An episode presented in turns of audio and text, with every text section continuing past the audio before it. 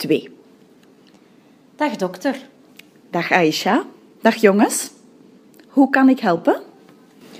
De tweeling is ziek. Ze hoesten, ze hebben koorts en keelpijn. Ja, ik zie het. Ze hebben griep. Hun temperatuur is 38,5. Ze hebben koorts.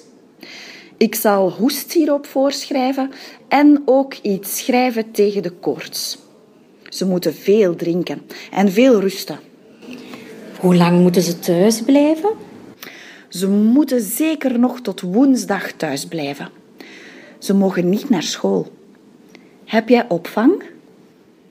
Goh, vandaag zal ik zelf thuis blijven van mijn werk. Morgen kan mijn man verlof nemen.